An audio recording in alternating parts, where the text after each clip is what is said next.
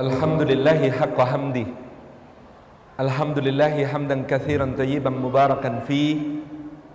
Nahmaduhu wa nasta'inuhu wa nastahdi Wa natubu ilaih Wa la na'budu illa iyyahu wa natawakkalu alaih Allahumma fasalli wa sallim wa barik ala sayyidina Muhammad wa ala alihi Wa ala ashabihi wa Wa man bi ihsanin ila hadha wa ba'dih ثم السلام عليكم ورحمة الله وبركاته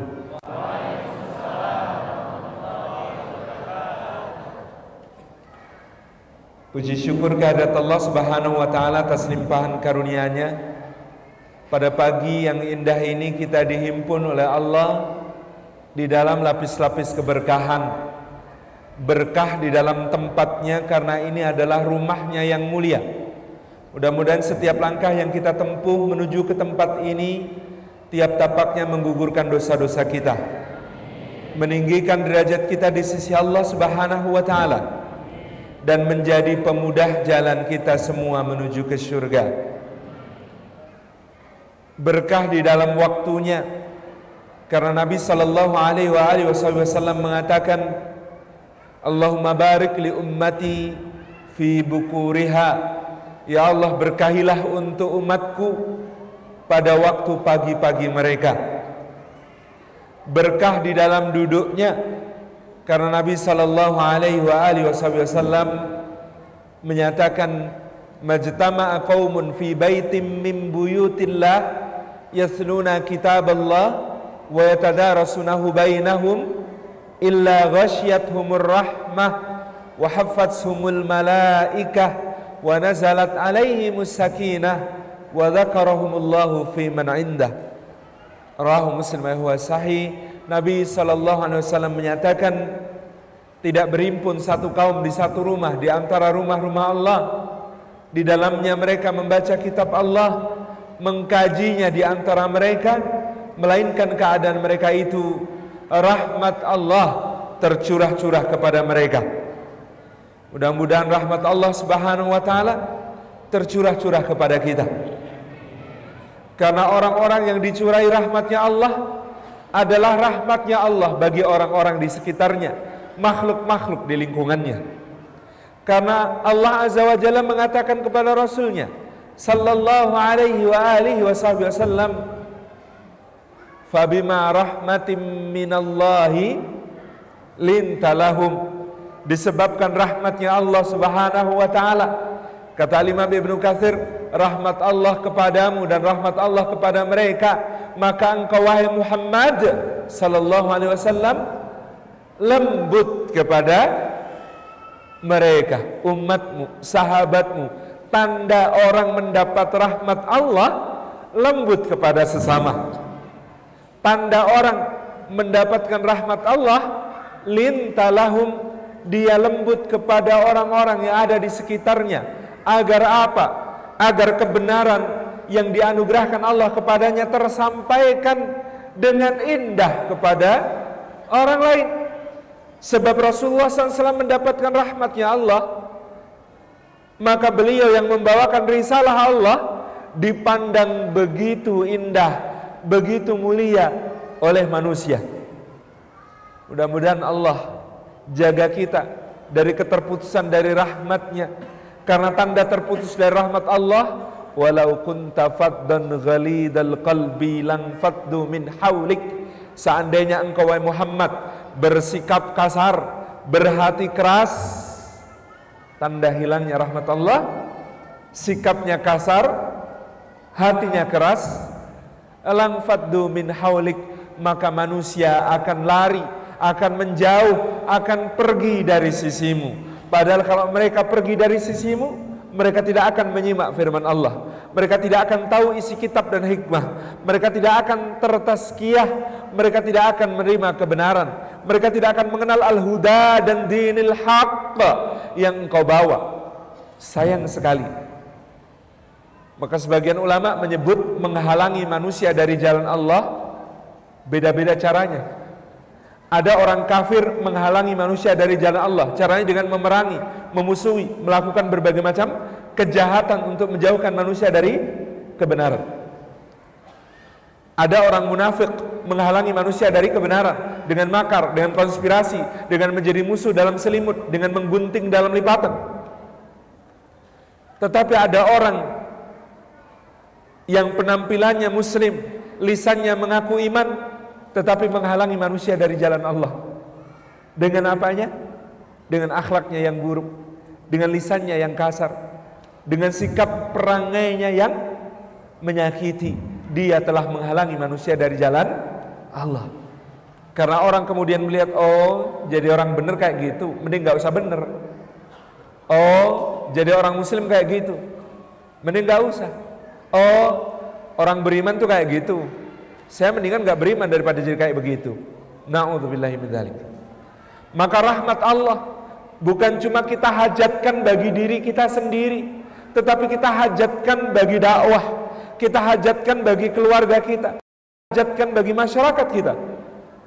Rasulullah sallallahu alaihi wasallam adalah orang yang paling banyak mendapatkan rahmatnya Allah, maka beliau kata Allah, "Wa ma arsalnaka illa rahmatan lil alamin." Tidak kami utus engkau Muhammad melainkan agar engkau dirimu itu menjadi rahmat bagi semesta alam. Kalau Rasulullah yang mendapatkan rahmat terbesar Allah, jadi rahmat bagi semesta alam. Kalau kita tidak mampu jadi rahmat semesta alam, jadilah rahmat bagi bumi. Kalau tidak mampu jadi rahmat bagi bumi, jadilah rahmat bagi Asia. Kalau tidak mampu jadi rahmat bagi Asia, jadilah rahmat bagi Asia Tenggara. Kalau tidak mampu jadi rahmat bagi Asia Tenggara, jadilah rahmat bagi Indonesia. Kalau tidak mampu jadi rahmat bagi Indonesia, jadilah rahmat bagi Jawa. Kalau tidak mampu jadi rahmat bagi Jawa, jadilah rahmat bagi Jawa Barat. Kalau tidak mampu jadi rahmat bagi Jawa Barat, jadi rahmat bagi Purwakarta. Masya Allah, Purwakarta. Lah di Jawa ada versi ngapaknya. Namanya sih Purwokerto kayak gue ya. Kalau tidak bisa menjadi rahmat bagi Purwakarta, jadilah rahmat bagi kecamatannya masing-masing. Kalau tidak bisa menjadi rahmat bagi kecamatannya masing-masing, jadi rahmat bagi desanya masing-masing. Kalau tidak bisa menjadi rahmat bagi desanya masing-masing, jadilah rahmat bagi RW-nya masing-masing.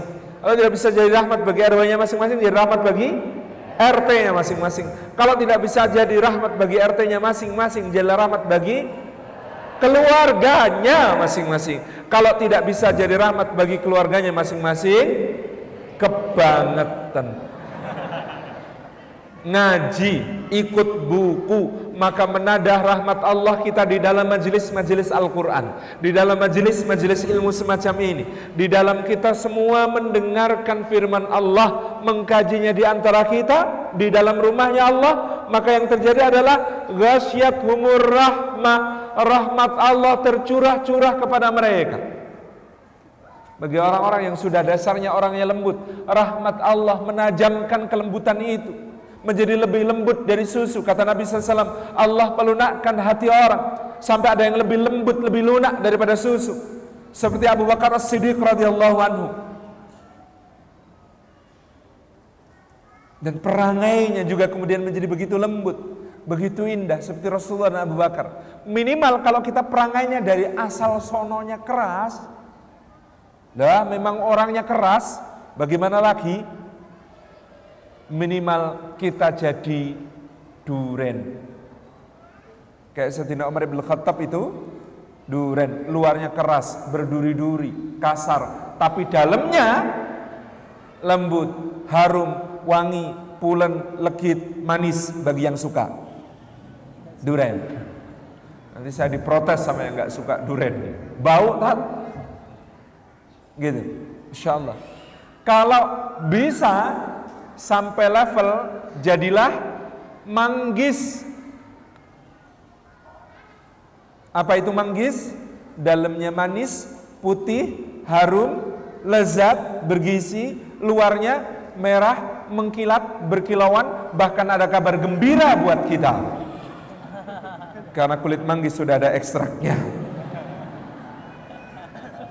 Rahmat Allah menjadikan kita orang-orang yang mudah-mudahan tidak perlu meminta maaf kepada anak-anak kita. Karena kita didoakan oleh mereka warhamhuma kama rabbayani saghira. Salah satu doa yang ada syarat dan ketentuan berlakunya. Dan rahmatilah mereka ya Allah seperti mereka Rabbayani. Rabbayani ini bahasa Indonesianya susah ini. Rabbayani ini bahasa Indonesianya susah. Cari terjemahannya bahasa Indonesia susah. Kalau bahasa Sunda apa Rabbayani? Terjemahannya biasanya apa dalam bahasa Sunda? Kalau bahasa Jawa ada gulawentah. Tanya lagi, gula wentah bahasa Indonesia-nya apa? Enggak ada. Bahasa Arab itu kompatibelnya dengan bahasa Jawa, bahasa Indonesia enggak. Meskipun kita harus menjunjung tinggi bahasa persatuan bahasa Indonesia sesuai semangat Sumpah Pemuda hari ini. Bahasa Sundanya apa? Robbayani diterjemahkan apa? Nah, Robbayani itu mencipta, memelihara, memberi rizki, mengatur urusan,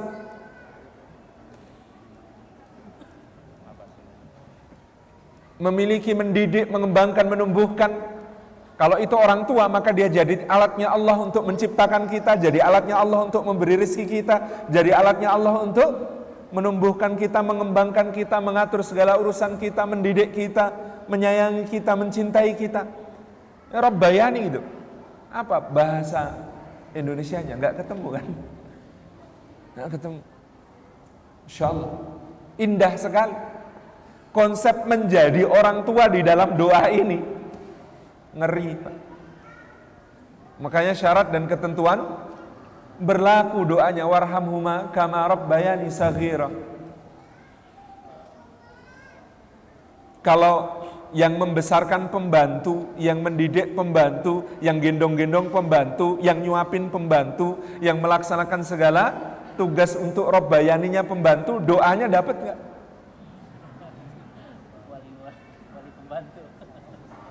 Kira-kira wali-wali dayanya berlaku apa enggak itu?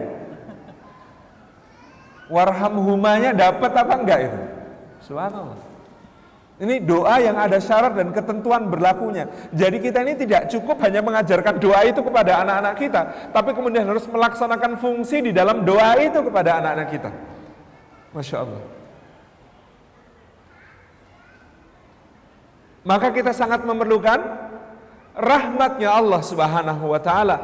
Dan bermajlis seperti ini penadah rahmat Allah yang paling besar. Dengan mendapatkan rahmat Allah di dalam majlis ini mudah-mudahan kita menjadi orang yang paling bisa merahmati menjadi jalannya rahmatnya Allah bagi pasangan kita bagi anak keturunan kita bagi anak cucu kita kesemuanya sampai Allah kelak menghimpun kita bersama mereka di dalam surga Aman wa taba'athum dzurriyyatuhum biiman. Alhaqna bihim dzurriyyatahum orang beriman kok anak keturunannya mengikuti di dalam keimanan? Maka Allah himpunkan mereka di dalam surga kata Ibn Abbas radhiyallahu anhuma bahkan di dalam tingkatan surga yang paling tinggi yang dicapai oleh garis keturunan itu sebab berkumpulnya anak cucu adalah kesempurnaan kebahagiaan bagi orang tua. Masya Allah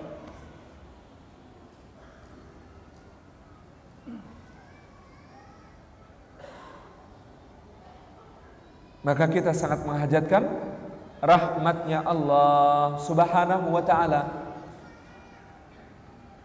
Maka kadang-kadang meluangkan waktu untuk bermajlis seperti ini betapa pentingnya. Meskipun zaman sekarang kids zaman now itu kalau ngaji sudah begitu dimudahkan oleh Allah Subhanahu wa taala ngajinya bagaimana?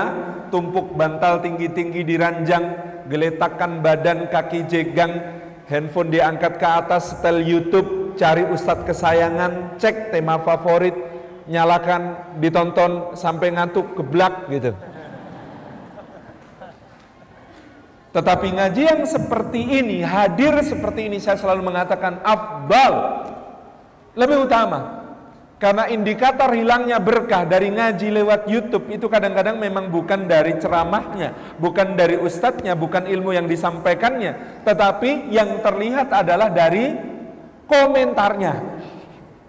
Kajiannya bagus, ustadznya menyampaikan ilmu yang sahih, sangat santun penyampaiannya baik bawahnya pro kontra saling caci maki satu sama lain saling memanggil dengan panggilan buruk seudon satu sama lain menggibahkan aib mengumbar-ngumbar mengolok-olok. Naudzubillah min ada yang hilang dari berkah ngaji di tempat seperti itu. Bukan bukan salah mengambil ilmu darinya.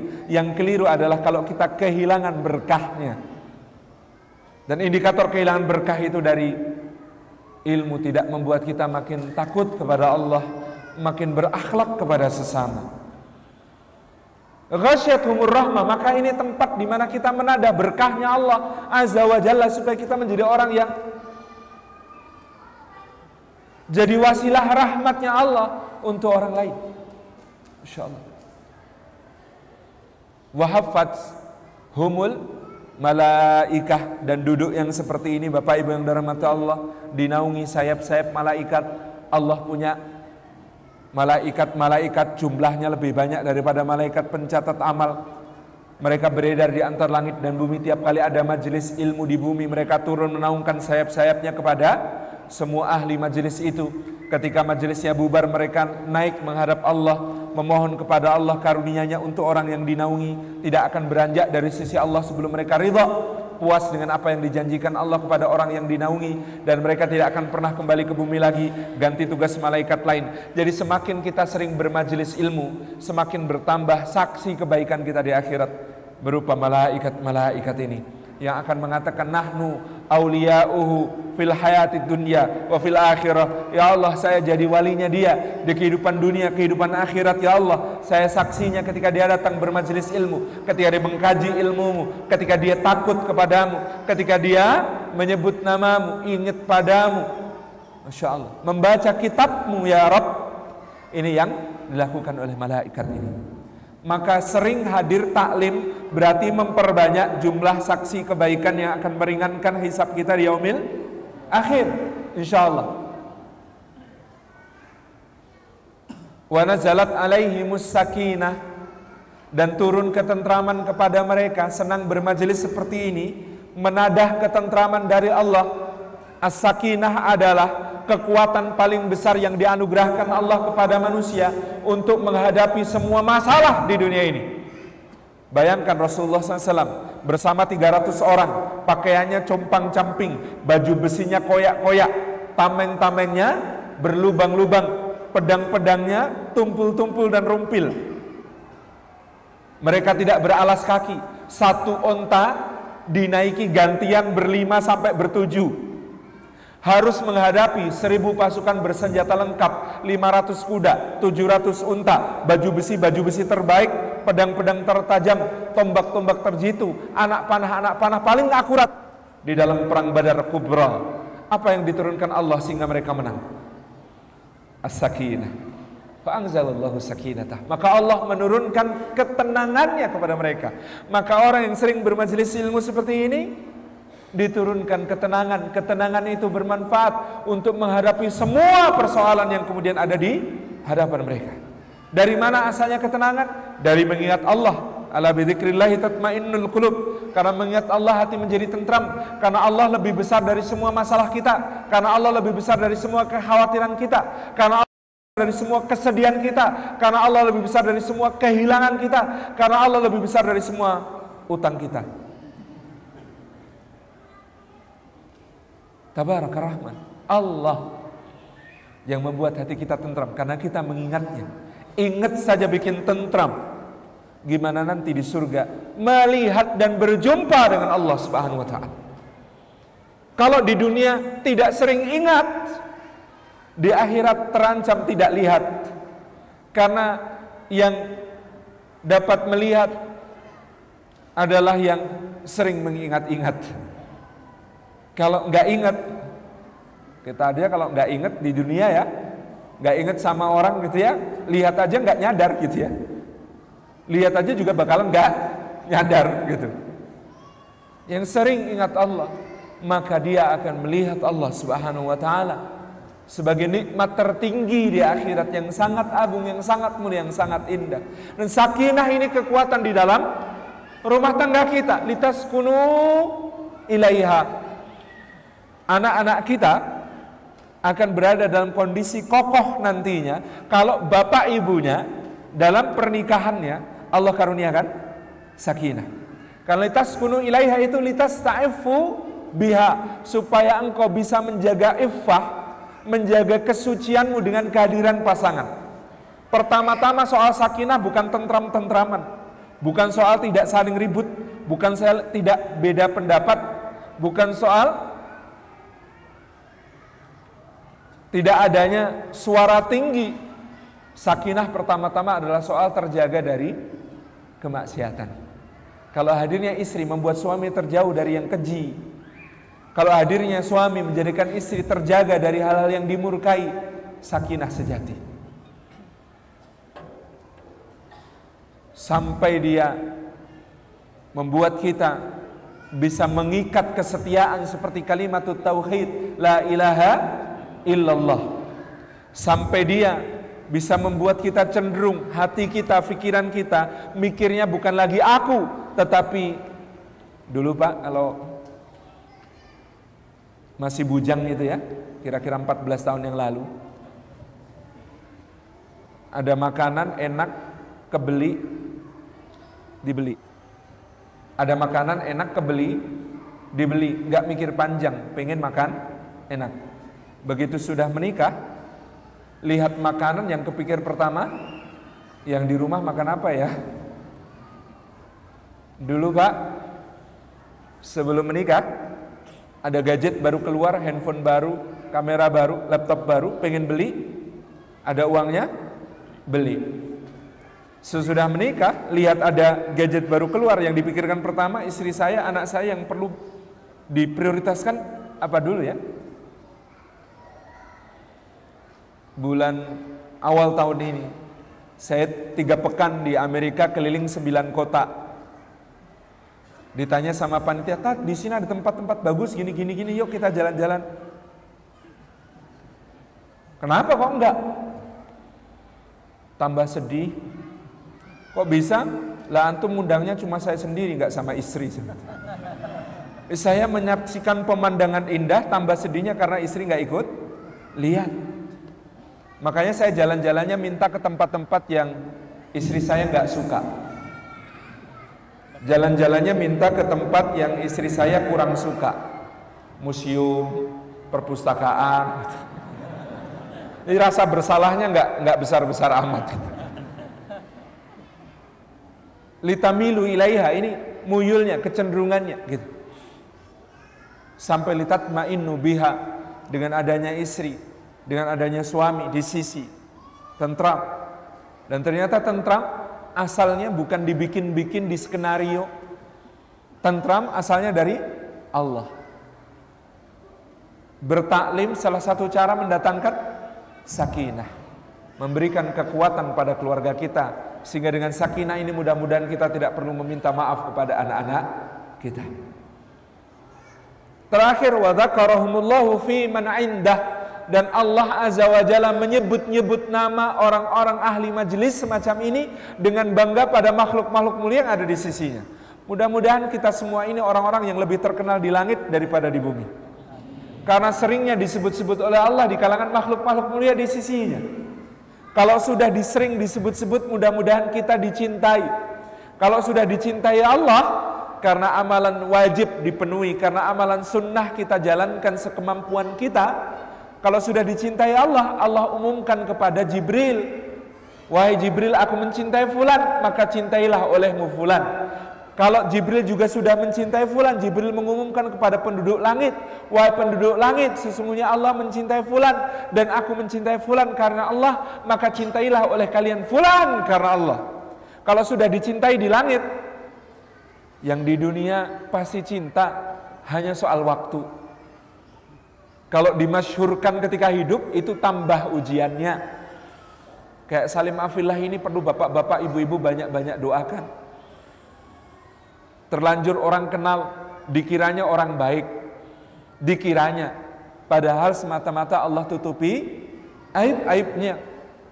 Beruntung punya istri seperti istri saya itu yang selalu mengingatkan, bah, meskipun di luar sana sejuta orang bersaksi abah orang baik, kalau aku saksi utama bilang pret, selesai bah kesaksian mereka nggak berlaku. Kata istri saya begitu. Tapi kalau aku bilang abah baik kesaksian orang seluruh dunia cuma menguatkan. Saksi utamanya aku, jangan macem-macem sama saksi utama. Tabarakar rahman. Bapak Ibu yang dirahmati oleh Allah Subhanahu wa taala, berapa orang yang mencintai Ibrahim alaihissalam ketika beliau masih hidup? Berapa orang, Pak? Yang cinta sama Ibrahim alaihissalam ketika beliau masih hidup berapa orang? Kalau yang disebut dalam Quran bisa dihitung pakai jari malah.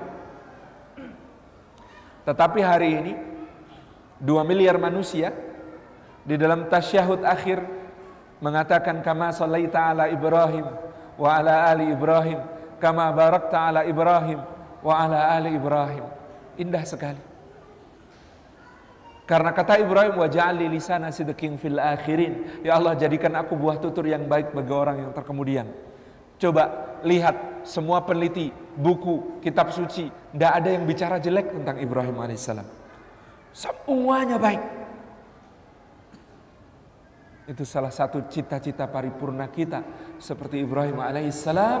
Ketika hidup nggak banyak yang kenal, nggak banyak yang cinta, yang kenal aja nggak banyak apalagi yang cinta. Tetapi begitu dia wafat, Ribuan tahun kemudian namanya disebut-sebut terus tentang kebaikannya. Masya Allah.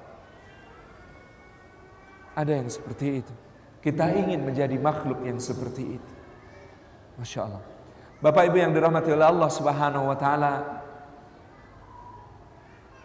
berbicara tentang tema keluarga dan anak selalu sesuatu yang amat berat bagi saya. Anak baru tiga dari satu istri.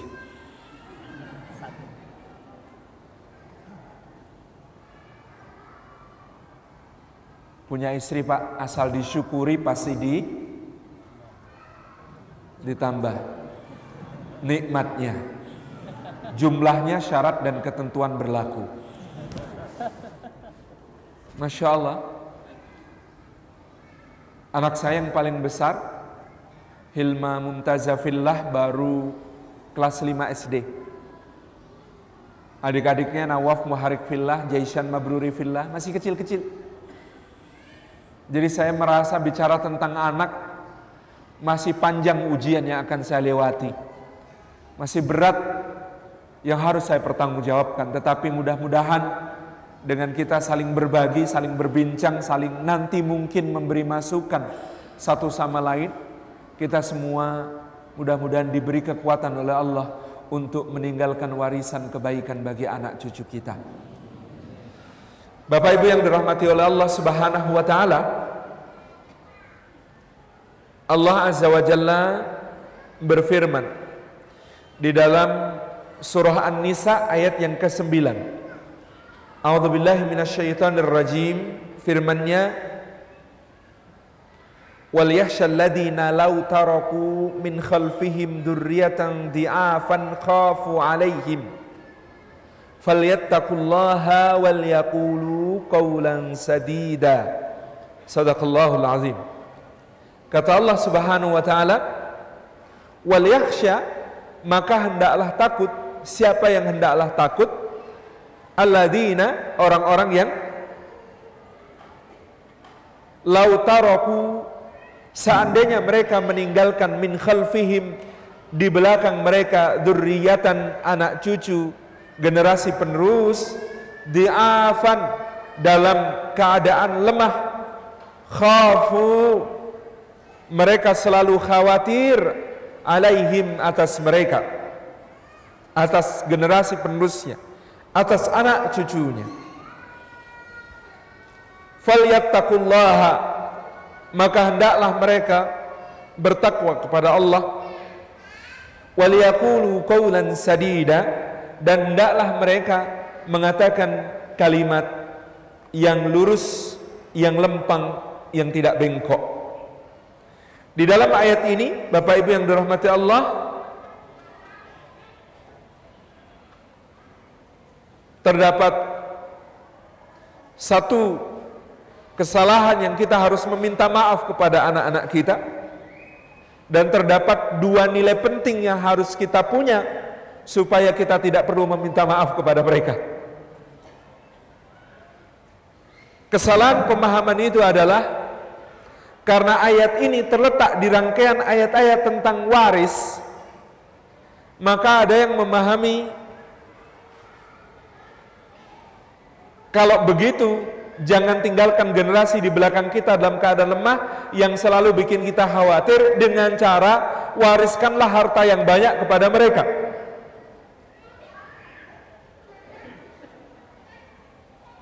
Padahal justru pemaknaan ayat ini adalah betapa tidak cukupnya warisan harta kalau hanya harta bagi anak-anak kita. Maka salah satu hal yang kita harus minta maaf kepada anak-anak kita adalah kalau kita menjadikan di dalam pikiran kita, di dalam hati kita bahwa yang penting bagi mereka adalah harta dunia.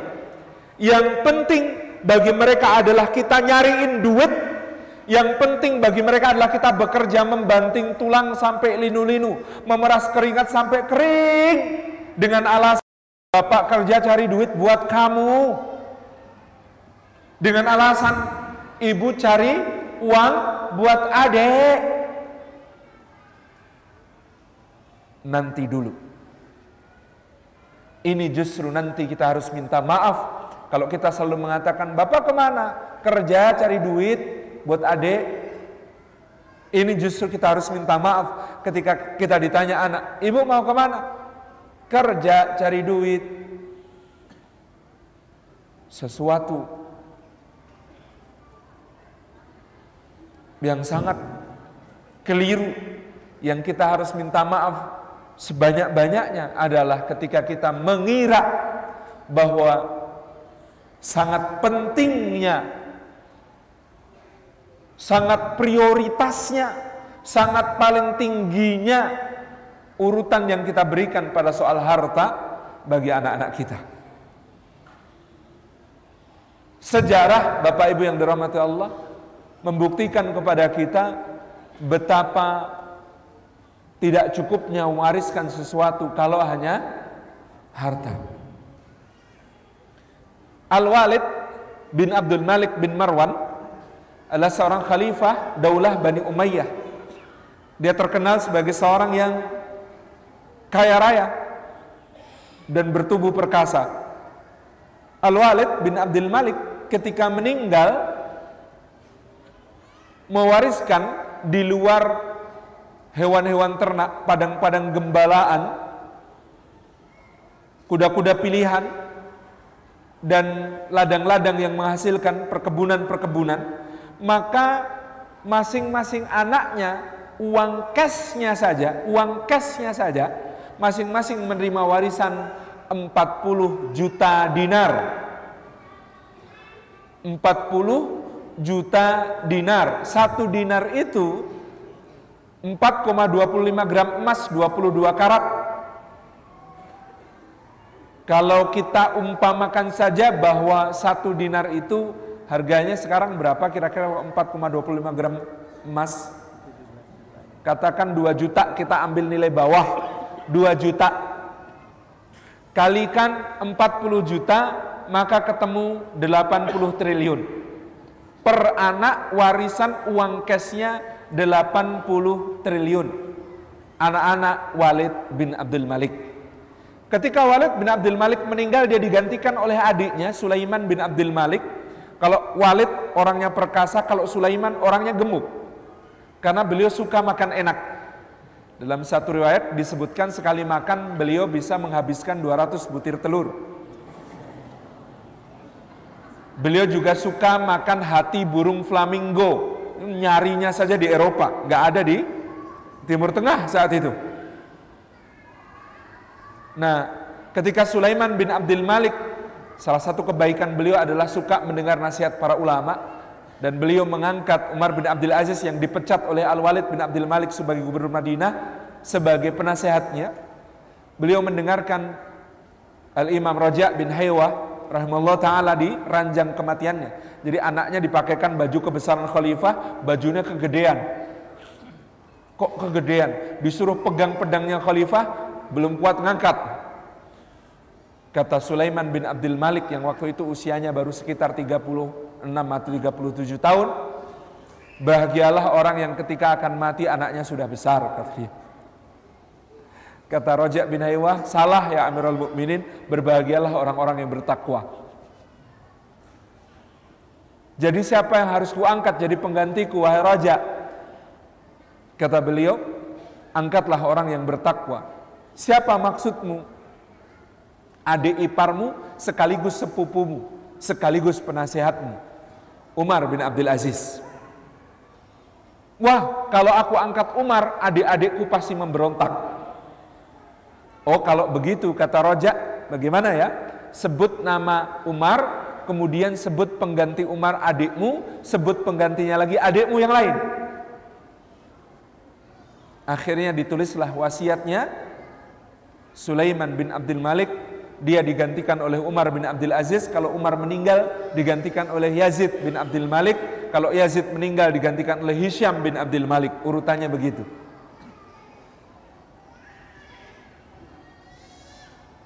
Maka jadilah Umar bin Abdul Aziz yang menolak-nolak itu menjadi khalifah. Lalu dia memerintah dengan penuh kebaikan selama dua tahun empat bulan. Sakit-sakitan, semakin ringkih badannya, konon karena dimasukkan racun ke dalam makanannya setiap hari sedikit demi sedikit, sedikit demi sedikit, sampai berujung pada tubuhnya yang makin lemah, makin ringkih dan akhirnya wafat menjelang wafat anak-anaknya dipanggil dan kemudian setelah itu dihitungkan hartanya. Kalau diproyeksikan nanti kalau dia mati, tiap anak Umar bin Abdul Aziz kira-kira akan menerima warisan sebesar 8 dirham. 8 dirham, satu dirham itu tiga setengah gram perak, kira-kira harganya sekarang 70 ribu rupiah. Jadi kalau 70 ribu kalikan 8, ketemunya 560 ribu ripis rupiah. Jadi khalifah sebelumnya 40 juta dinar, ini 8 dirham. Maka salah satu adik iparnya, Maslamah bin Abdul Malik berkata, Wahai Amirul Mukminin, jangan terlalu kejam kepada anakmu. Apa maksudmu kejam? Kau masak warisan cuma 8 dirham. Tolonglah, sekarang wasiatkan anak-anakmu kepadaku. Aku adalah pangeran Bani Umayyah yang paling kaya, biar aku yang tanggung kehidupan mereka. Kata Umar bin Abdul Aziz, aku sudah serahkan mereka kepada yang lebih kaya daripada engkau. Siapa? Allah. Tapi hartaku cukup untuk menanggung mereka. Wahai Mas Selamat, lebih baik kau siapkan jawaban kepada Allah nanti kalau Allah bertanya, dari mana kau dapatkan harta itu dan ke mana engkau membelanjakannya. Jelek Mas Selamat langsung terdiam. Wafat Umar bin Abdul Aziz. Tidak sampai 20 tahun setelah wafatnya Umar bin Abdul Aziz, anak-anak Al-Walid bin Abdul Malik menjadi buronan karena pergantian kekuasaan dari Daulah Umayyah ke Daulah Abbasiyah. Di antara mereka ada yang terbunuh dalam keadaan hina, miskin, melanglang ke berbagai kota, menjadi pengemis di mana-mana. Anak-anaknya Walid bin Abdul Malik yang warisannya 40 juta dinar. Sementara anak-anak Umar bin Abdul Aziz menjadi orang-orang terkemuka, pembayar-pembayar zakat terbesar pada zamannya. Karena keberkahan dari orang tua yang tahu di mana meletakkan harta. Maka kesalahan pertama yang kita harus minta maaf kepada anak-anak kita adalah kalau kita mengira menyayangi mereka cukup dengan harta. Kalau kita mengira cara mencintai mereka adalah dengan memberikan banyak uang, kalau kita mengira bahwa cara untuk memberikan kebaikan kepada mereka adalah dengan menyediakan banyak fasilitas. Bapak Ibu yang dirahmati Allah, perhatikan baik-baik kalau ada kupu-kupu baru mau keluar dari kepompongnya. Anda pernah lihat kupu-kupu yang baru mau keluar dari kepompongnya? Itu kasihan sekali, Pak Kasihan sekali. Coba bayangkan dia keluar gitu, bahasa Jawanya itu bekah beku. You know what is the meaning of bekah beku? Mm, mm, mm, susah sekali. Ada kupu-kupu mau keluar dari kepompongnya itu susah sekali. Tapi kalau bapak-bapak kasihan kepada kupu-kupu itu kemudian membantunya misalnya dengan mengambilkan gunting, kepompongnya digunting, kupunya dikeluarkan, apa yang akan terjadi? Apa yang terjadi pada kupu-kupu itu? Kupu-kupunya tidak bisa terbang, Pak. Dan karena tidak bisa terbang, umurnya pasti pendek sekali, nggak lama kemudian akan dikerubungi semut, mati. Karena apa? Karena kesulitan yang dihadapi kupu-kupu itu di dalam kepompongnya adalah latihannya untuk menjadi kupu-kupu sejati yang bisa terbang. Ini kalau nggak dilatih dengan bekah beku, sayapnya nggak kuat untuk terbang. Latihan itu dalam suasana keras dan susah itu dia perlukan. Betapa banyak orang tua yang dulu dari masa kecil tumbuh sebagai orang susah, lalu dewasanya sukses, tidak ingin anaknya sukses. Bagaimana caranya supaya anaknya tidak sukses? Dia gelontor fasilitas yang dia tidak dapatkan sewaktu kecil. Kayak balas dendam. Orang tuaku dulu nggak ngasih aku kayak begini. Anakku nggak boleh begitu. Akanku semua fasilitas akan ku kasih. Padahal yang menjadikan orang tuanya seperti sekarang adalah semua kesulitan itu. Rahman, maka perhatikan para nabi, orang-orang besar yang disebutkan oleh Quran, mereka itu kalau tidak yatim, diyatimkan pasti mengalami fase-fase kehidupan yang menempa mereka menjadi orang besar melalui kesulitan-kesulitan.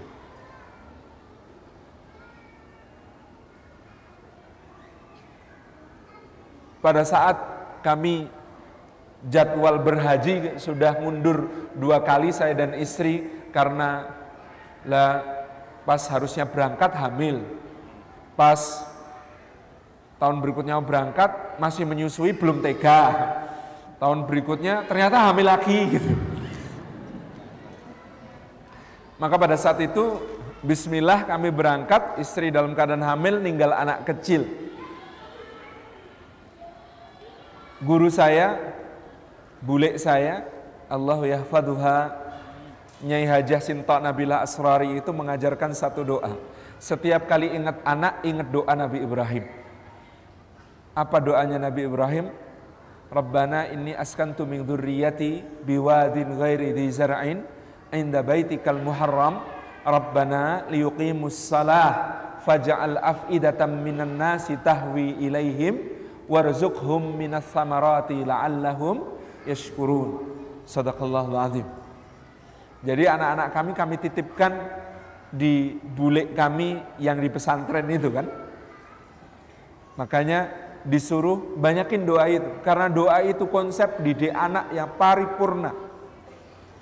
Ya Allah sungguh aku tempatkan sebagian dari keturunanku di satu lembah tak bertanaman. Ingat kata-katanya lembah tak bertanaman. Salah satu tempat mendidik terbaik itu adalah lembah tak bertanaman, yaitu tempat yang fasilitasnya sangat minim. Tetapi indah baitikal muharram yang suasana dekat dengan tempat di mana Allah diingat, Allah diagungkan, Allah dimuliakan. Supaya apa? Bersandarnya bukan makhluk, bersandarnya bukan kepada benda-benda, bersandarnya bukan kepada materi, tetapi bersandarnya kepada Allah Subhanahu wa taala. Dengan itu, Rabbana liyuqimus salah. Ya Allah, supaya mereka menegakkan salat. Zaman sekarang orang nyarikan pondok pesantren untuk anaknya, cari yang fasilitasnya lengkap. Tidurnya di kasur, bajunya di laundry, makannya di catering. Itu prasyarat orang sekarang nyari pesantren untuk anaknya. Saya kok masih percaya biwadin goiri dizar'in Nyari pesantren bukan utama yang kita cari fasilitasnya, tetapi akhlak gurunya kayak apa? Itu yang lebih penting. Kalau ada yang tanya, tipsnya nyari pesantren yang bagaimana?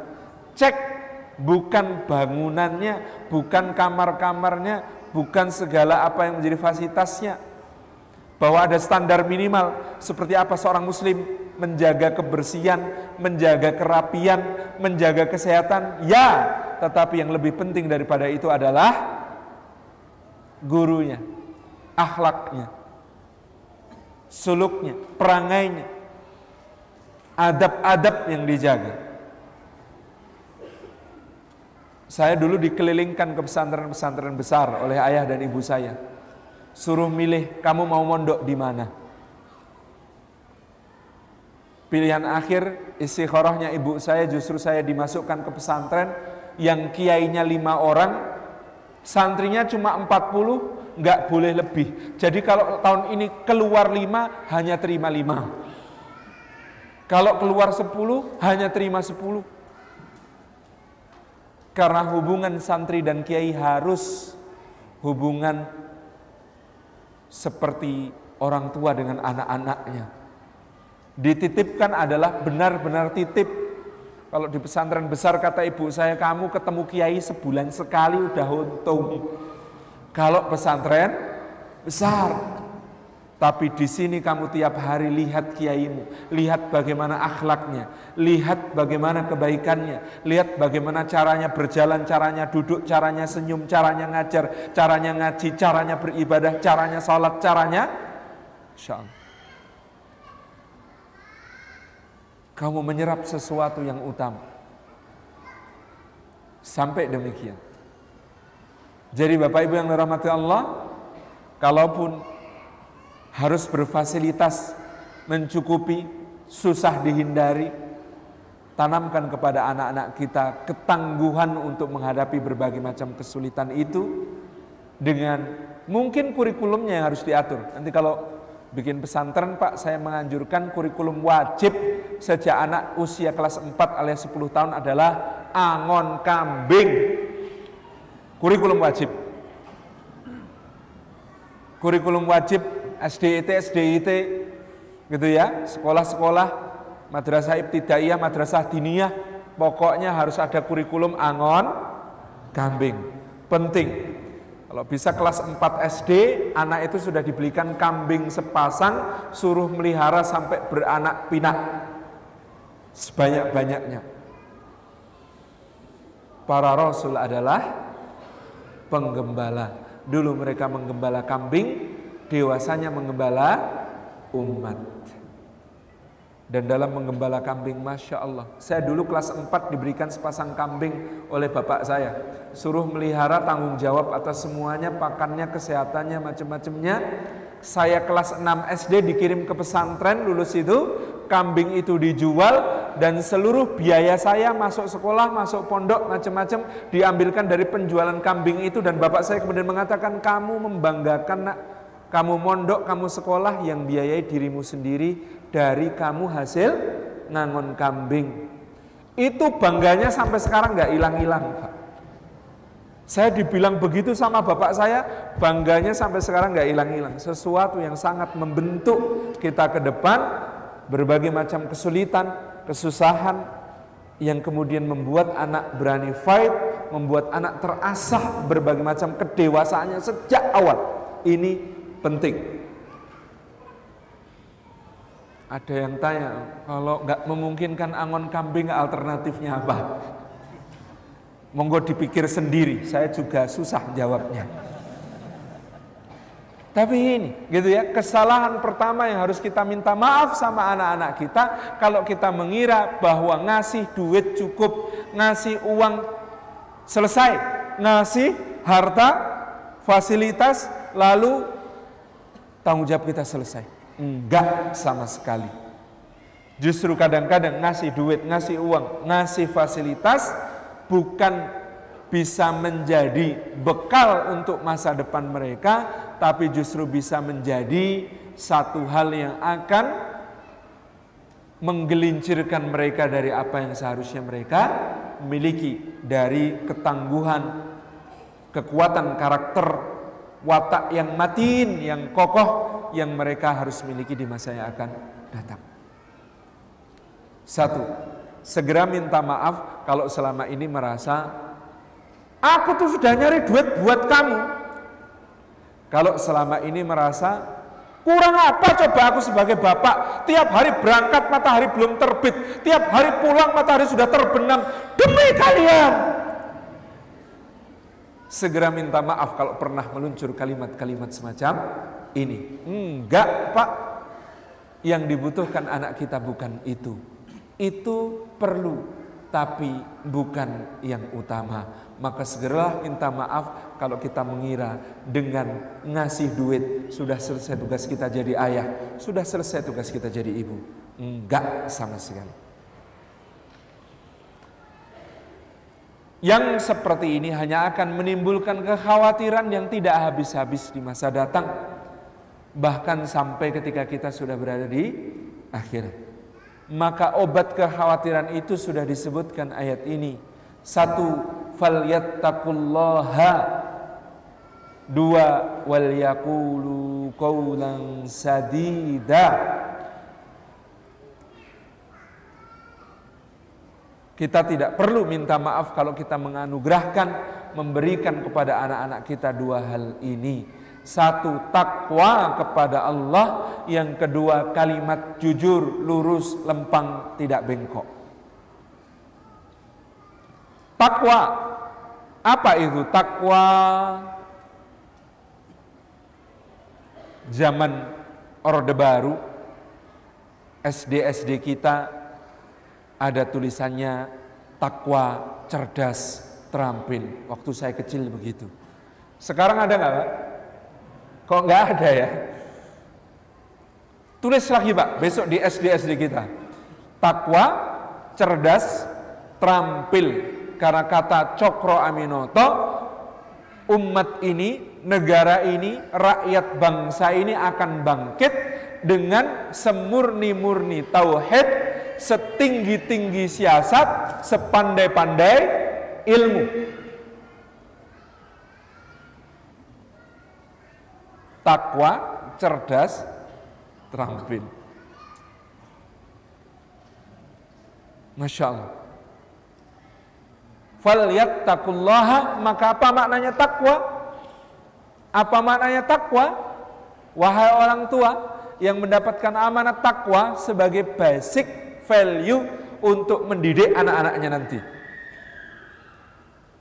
Satu hari Umar bin Khattab radhiyallahu anhu bertanya kepada imamnya Masjid Nabawi. Sayyidina Ubay bin Ka'ab radhiyallahu anhu salah seorang ahli Quran yang ditunjuk sebagai rujukan oleh Nabi sallallahu alaihi wasallam.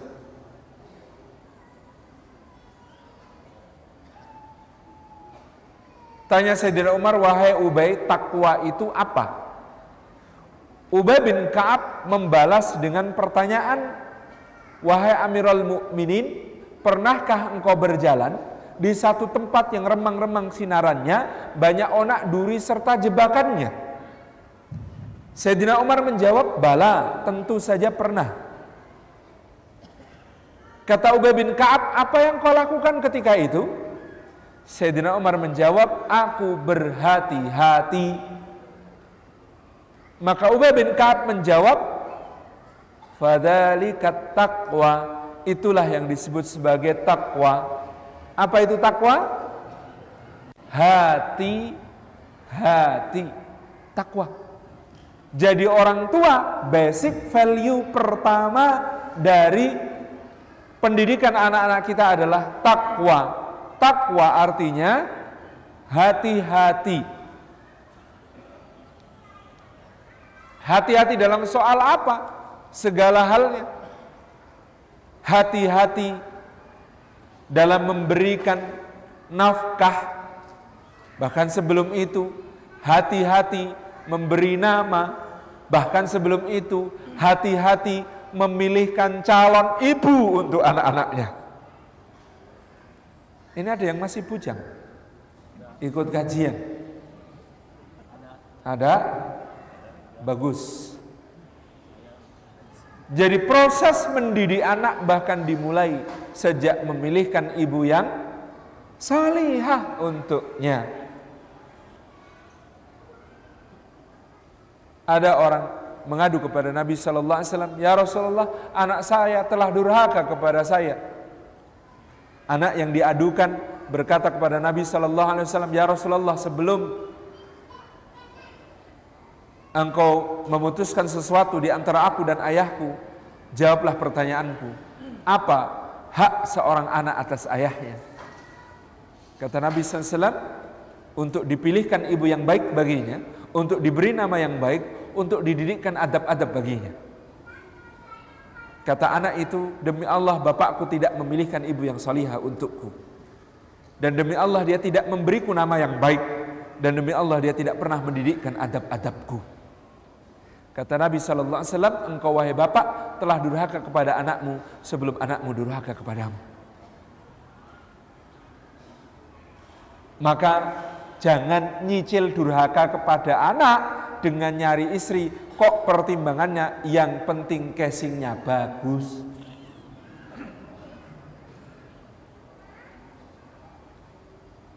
Clear ya? Maka kalau Anda memang nyari yang casingnya bagus, pakai tips Imam Ahmad. Tanya, cantik apa enggak? Pertanyaan cantik taruh depan. Cantik apa enggak? Cantik. Pastikan dulu cantik. Sesudah itu tanya agamanya. Solihah apa enggak? solihah maju enggak mundur itu berarti anda menolak atau menerima karena agama sesuai petunjuk Rasulullah tapi kalau yang ditanyakan solihah enggaknya dulu riskan solihah apa enggak jelas solihah cantik apa enggak hmm, gimana ya enggak ya enggak jadi deh nah berarti ini menolaknya bukan karena alasan yang dibenarkan oleh Rasulullah SAW. Jadi tanya dulu, cantik apa enggak? Masalahnya Anda tinggal di komunitas buku, buku pakai ti. Komunitas ini jelas solihah semua.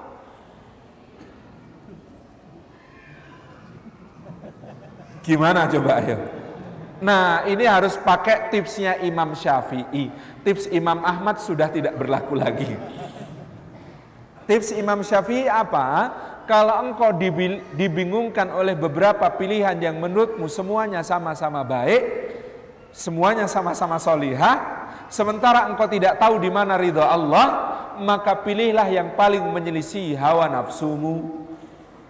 Nah, ini yang berat. Karena kalau hawa nafsunya pada yang cantik, pilih yang lebih jelek. Karena kalau hawa nafsunya pada yang kaya, pilih yang lebih miskin. Karena kalau hawa nafsunya pada yang bernasab mulia, pilih yang rakyat jelata. Sebab apa kata Imam Syafi'i? Inna nafsa la'ammaratum bisu Yang namanya hawa nafsu selalu memerintahkan kepada yang buruk Menyelisihi hawa nafsu Dapat yang baik Kesimpulannya begitu Alhamdulillah dulu Waktu milih istri saya belum tahu tips Imam Syafi'i Jadi tidak terlalu terbebani Antum sudah tahu Salah sendiri Dimulai dari situ, bahkan kehati-hatiannya memilih seorang wanita salihah untuk menjadi ibu dari anak-anaknya.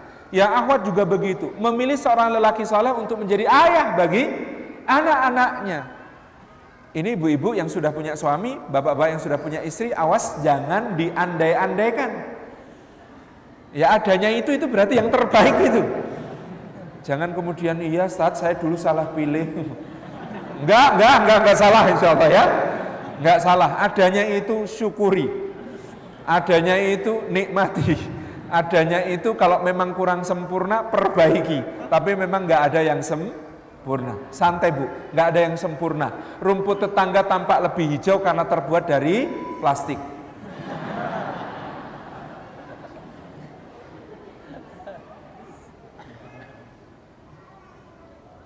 Jadi kalau yang belum menikah betul-betul perhatikan gitu ya.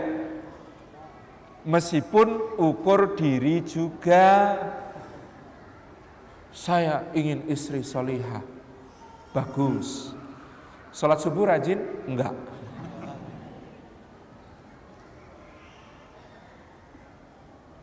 Jadi indah Saya ditanya Baik agamanya itu seperti apa? Faktar bidati din taribat yadak Pilihlah yang beragama engkau akan beruntung Baik agamanya itu seperti apa? Ilmunya Belum kalau ilmu saja. Amalnya nanti dulu juga. Orang banyak amal, sedikit ilmu bahaya. Orang banyak ilmu, sedikit amal lebih bahaya. Yang ilmu amal selaras, komitmen kuat untuk terus berilmu dan terus beramal itu yang dicari. Kalau begitu, ngelihatnya dari mana? Satu, hubungannya sama Allah. Kalau nggak setia sama Allah, gimana bisa diharapkan setia sama pasangan? Dua, hubungannya sama ibunya. Kalau sama ibunya nggak bisa hormat dan berbakti, gimana sama pasangannya? Tiga, hubungannya sama teman-temannya. Bohong apa jujur? Kalau ngomong bisa dipegang omongannya apa enggak? Kalau janji tepat apa ingkar? Suka nikung apa enggak? Gitu. Ya. Terus bisa jaga rahasia apa enggak? Dan sebagainya. Temennya yang tahu. Yang keempat, hubungannya sama anak kecil. Maka para relawan dan pengajar buku, insya Allah calon istri dan calon suami prospektif.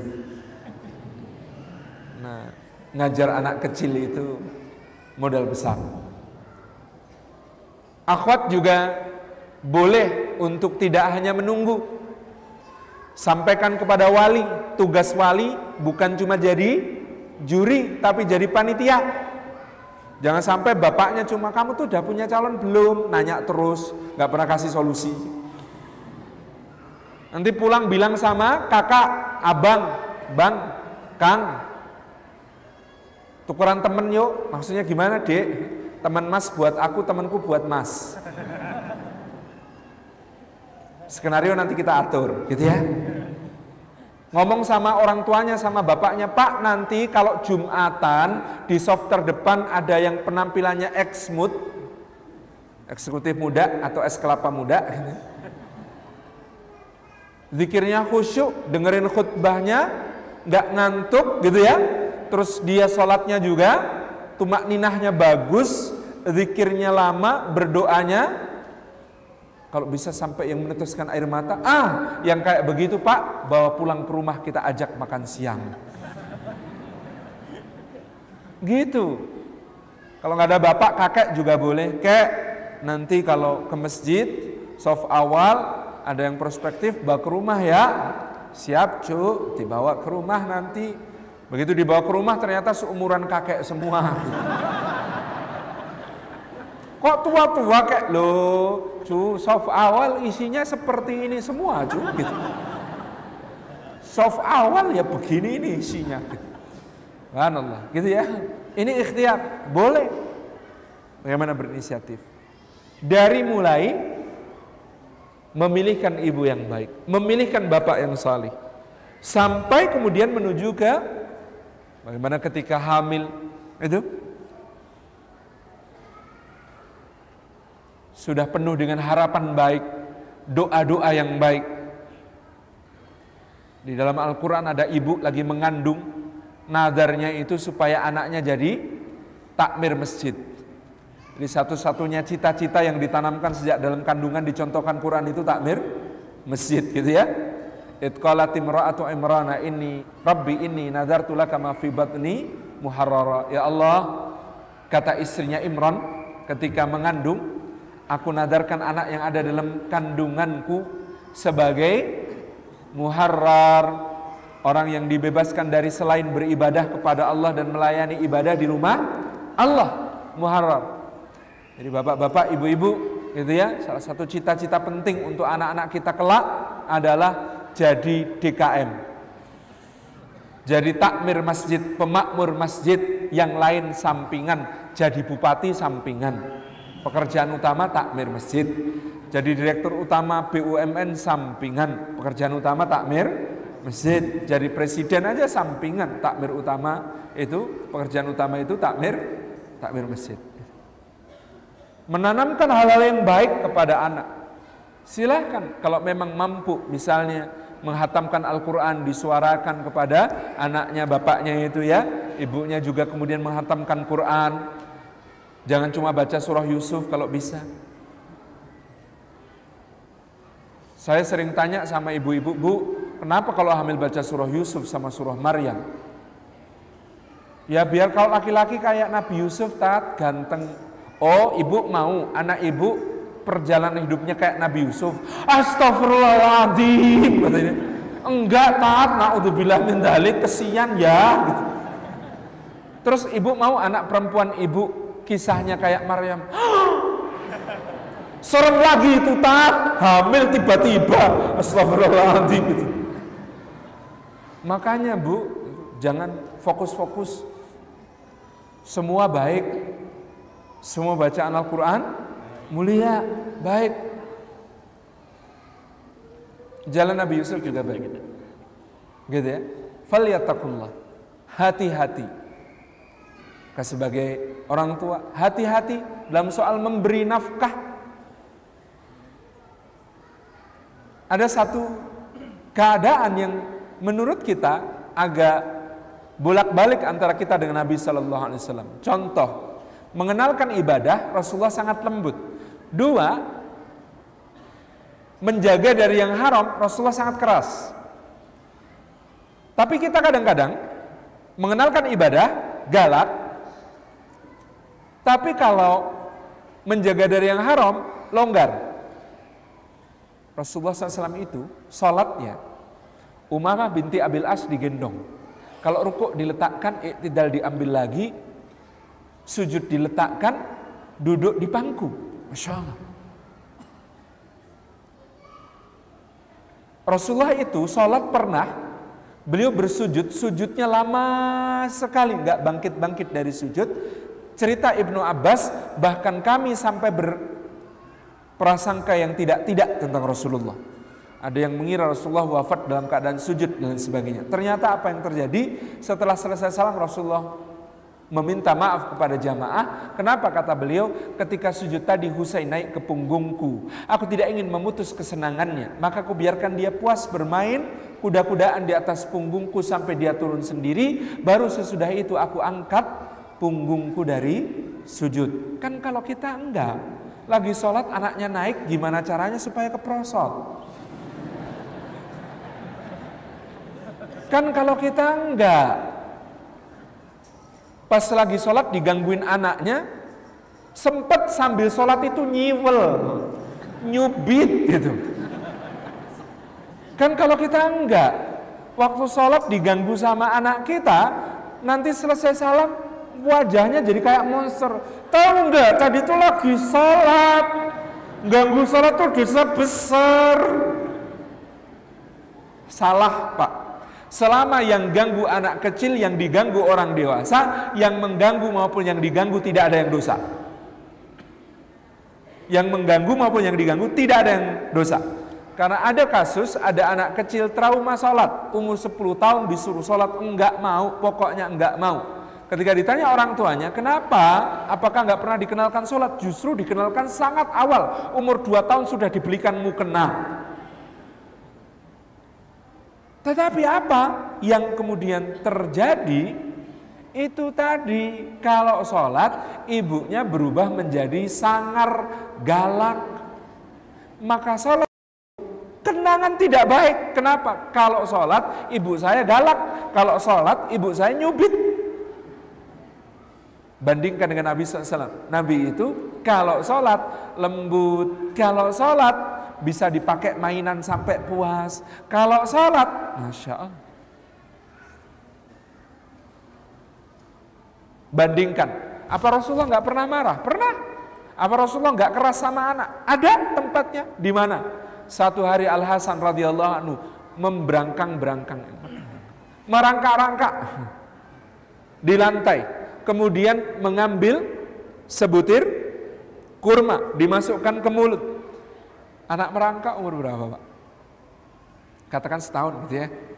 Sebelum dia kemudian nanti bisa berjalan. Ini anak masih merangkak-rangkak. Kurma dimasukin ke mulut. Apa yang terjadi? Diangkat sama Nabi SAW. Dikeluarkan kurma itu. Kemudian anak itu diajari. Keluarkan nak, keluarkan. Tidak tahukah engkau? Barangkali itu termasuk kurma zakat. Dan tidak tahukah engkau? Keluarga Muhammad SAW diharamkan memakan sedekah. Keluarkan. Bayangkan anak umur setahun oleh Rasulullah tegasnya soal halal haram kayak begitu Pak. Kita kadang-kadang kalau anak sudah menangis tentram di depan umum gitu ya karena minta dibeliin sesuatu yang kita ragu halal apa enggak ya demi supaya anak kita kita tidak nangis tidak malu-maluin dilihat orang kita belikan demi supaya orang tidak mengira kita enggak kuat beliin lalu kita belikan Subhanallah. Tapi sholat galak. Kebalik-balik. Nanti kita bahas di sesi kedua. Insya Allah. Kenapa? Ternyata Rasulullah memerintahkan sholat. Memerintahkan orang tua untuk menyuruh sholat. Muru auladakum bisalati wahum abna'u sab'i sinin. Umur tujuh tahun. Bagi kita kan tujuh tahun udah gede banget. Kok baru disuruh sholat? Sebelumnya disuruh ngapain aja? ada ilmunya nanti insya Allah. Falyattaqullaha wal yaqulu qawlan sadida. Basic nilai kedua setelah takwa. Takwa itu muraqabah. Takwa itu merasakan kehadiran Allah dan pengawasannya. Takwa itu muahadah mengingat janji kehambaan dan mengisi hati dengan niat-niat baik.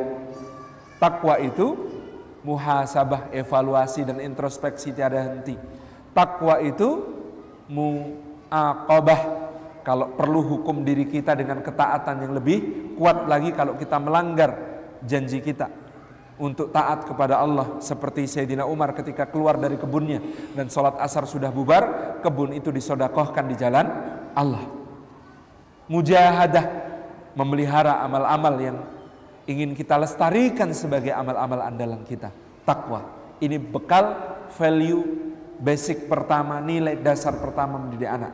Yang kedua adalah waliyakulu kaulan sadida. Kalau ngomong yang lurus, jangan bengkok. Kadang-kadang demi anak supaya makan, demi anak supaya makan. Ini mangkok isinya makanan, ini gelas isinya minuman. Dia sukanya minum. Ketika dicendokkan dari mangkok geleng-geleng, kita kadang-kadang nyendok dari mangkok masukin ke gelas, kemudian a a a a a dikiranya anak minum ternyata makanan demi supaya dia mau makan kadang-kadang dipakai acara membohongi Pak Bu lapar itu penting. Biarin kalau memang belum mau makan biarin lapar biar dia merasakan lapar. Sampai satu saat kita bujuk mau makan. Jangan demi supaya dia makan sajikan tontonan, lalu hap, hap, makan tapi nggak sadar kalau makan, makan yang tidak dalam kesadaran anak lagi makan itu nggak bermanfaat bagi ruhiyahnya, nggak bermanfaat bagi pikirannya, mungkin bermanfaat bagi fisiknya, tambah gembul, tambah gendut. Jangan khawatir anak kita dikatakan kurus, biarin. Makan itu memang kalau bisa, kalau sudah lapar beneran, Kami, saya dan istri di rumah tidak pernah maksa anak makan. Tawarin, kalau memang mau ayo makan. Kalau enggak, enggak, biarin, tunggu sampai dia memang mau makan, lapar. Mi, mama, mama, mi, gitu ya. Baru kemudian, yuk makan. Insya Allah. Jadi jangan takut anak kelaparan gara-gara kita tidak bisa maksa dia makan, apalagi maksanya pakai bohong. Orang tua mau pergi, itu anak dikasihkan neneknya pegang dulu nek. Sama neneknya diajak lihat cicak. Nak cicak nak cicak. Gitu ya. Terus orang tuanya menyelinap pergi tanpa pamit. Hanya supaya anaknya tidak menangis.